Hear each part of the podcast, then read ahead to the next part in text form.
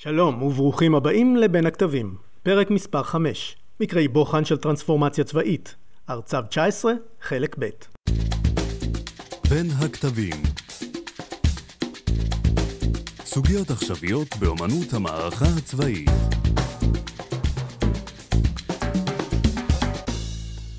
בחלק הראשון דיברנו עם תת-אלוף במילואים הדוקטור מאיר פינקל, ראש תחום המחקר של מרכז דדו, על השינויים המהותיים באופני הפעולה של חיל האוויר, במודיעין, בפיקוד ובשליטה, באמצעי הלחימה ובאימונים. תהליך של תשע שנים של יישום לקחים מכישלון המלחמה הצורב. בחלק השני נמשיך לדבר איתו על שיאו של התהליך ומה ניתן ללמוד ממנו גם היום.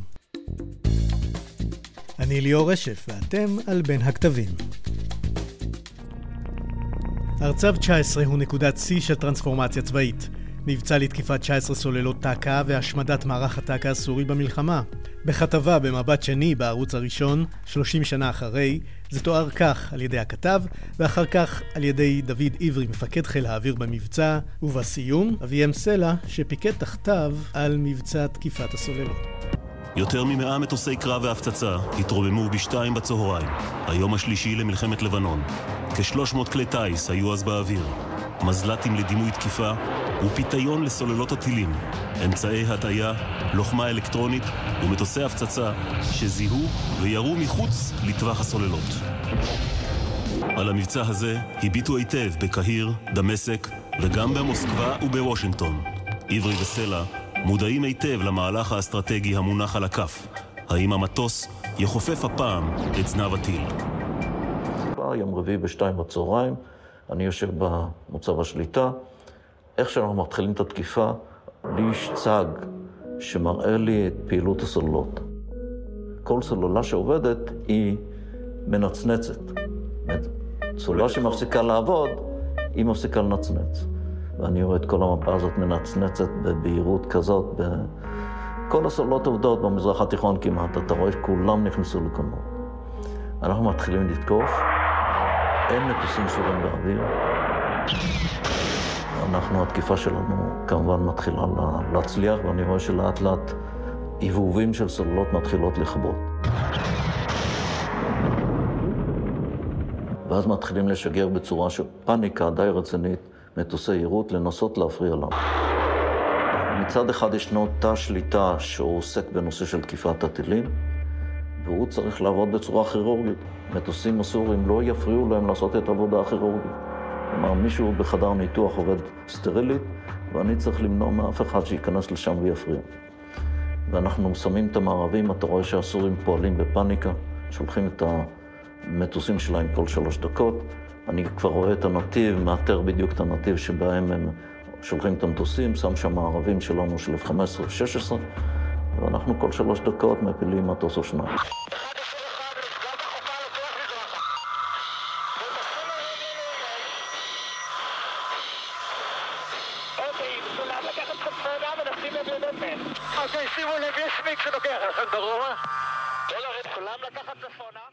פה השגנו הפתעה טקטית ביום השלישי למלחמה בשתיים בצהריים, וזה עם הרבה תכנון והרבה הכנות של הרבה שנים. בניין הכוח ללחימה התפרס על שנים רבות. מה שסופר כאן הוא רק קמצוץ מהם. אולם הצלחת מבצע ארצב 19 הושפע באופן משמעותי מהלוחמים עצמם ומעבודתם של מתכננים, שולטים ואנשי מודיעין. וכן, היו כמה החלטות פיקודיות של מח"א, דוד עברי, שיצרו תנאים מיטביים להצלחת המבצע. למשל התעקשות לתקוף את כל מערך הטילים ולא רק מספר קטן של סוללות, דחיית מועד התקיפה מיום ג' ליום ד' כדי לאפשר מודיעין מלא ועדכני על עוד חטיבת טק"א שהצטרפה לחזית, ועצירת התקיפות כדי להמשיך בכוח מלא ביום למחרת. אפילוג בין הכישלון במלחמת יום הכיפורים ובין ההצלחה במלחמת שלום הגליל, ביצע חיל האוויר מהפכה זרועית בעניינים צבאיים, שכתוצאה ממנה הצליח להביס את מערך הטק"א הסורי, והמחיש לברית המועצות את אוזלת ידה מול היכולת הטכנו-מבצעית של צה"ל. המהפכה התגלמה ביכולת מערכתית, במטוסים, בטילים, אמצעי מודיעין ולמד א', חידושיה היו גם בתחומי התכנון והשליטה והעברת המידע. הטראומה של הכישלון גרמה לכך שהמענה התאפיין ביתירות רבה. שחיל האוויר מבין שזאת הבעיה המרכזית ומשקיע בה את עיקר משאביו, אז לא חוסכים במאמצים. יפתח ספקטור, מתאר שהיה במהלך התקופה הזאת בין 82 ל...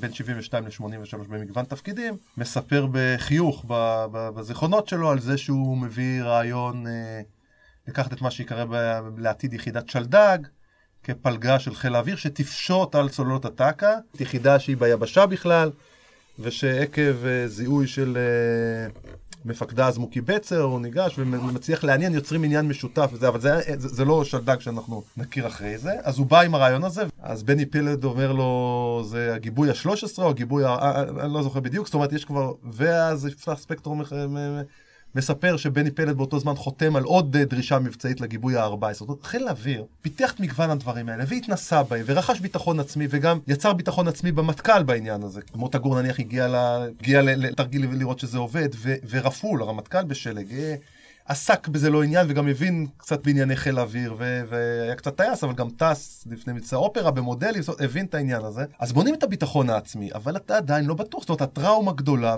אז יש גם פצצות השנקף, זאת אומרת, שר צו 19 ומתרגלים, לא מפסיקים לתרגל, תקיפות.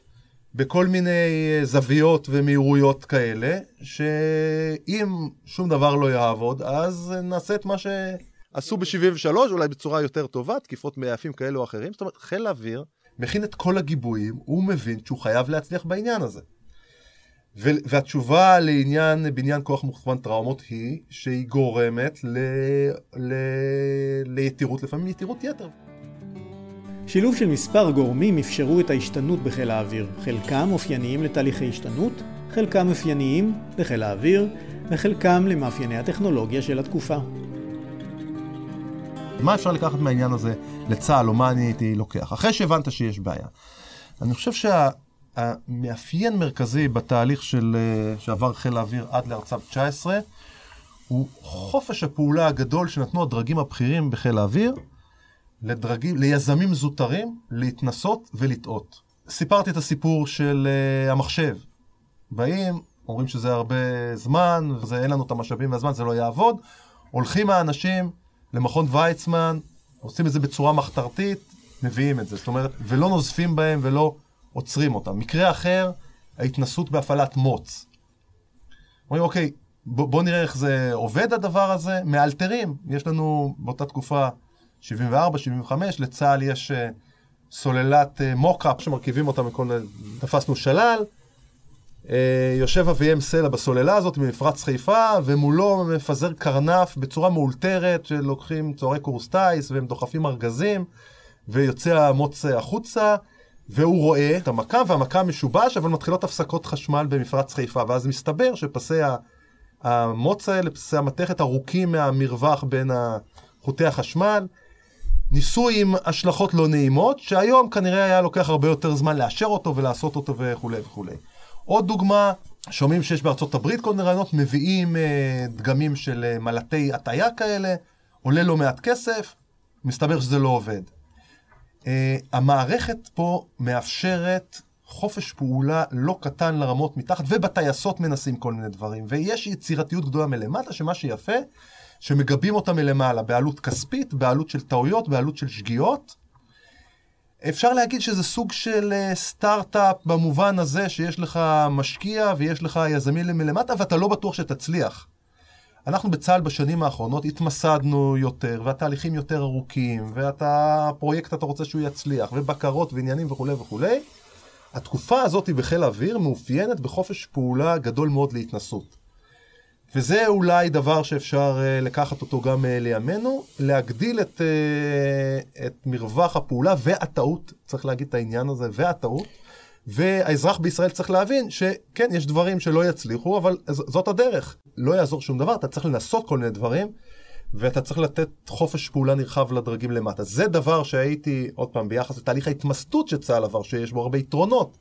והיינו לא. רוצים שתהליכים יעשו בצורה מוסדית, להחזיר יותר את חופש ההתנסות למטה, עם הטעויות ועם המחירים הכספיים של העניין. זה לפי דעתי דבר שהיה מרכיב דרמטי בפיתוח היכולת בחיל האוויר, והייתי לוקח אותו בחזרה לצה"ל של ימינו. תודה לתת-אלוף במילואים הדוקטור מאיר פינקל על הרעיון ועל המחקר. בין הכתבים זה תת-אלוף ערן אורטל, מפקד כתב העת ומפקד מרכז דדו, סגן אלוף רווה גלילי, העורך הראשי, אנשי מרכז דדו, ואני, מפיק ומגיש ליאור רשף. Instagram.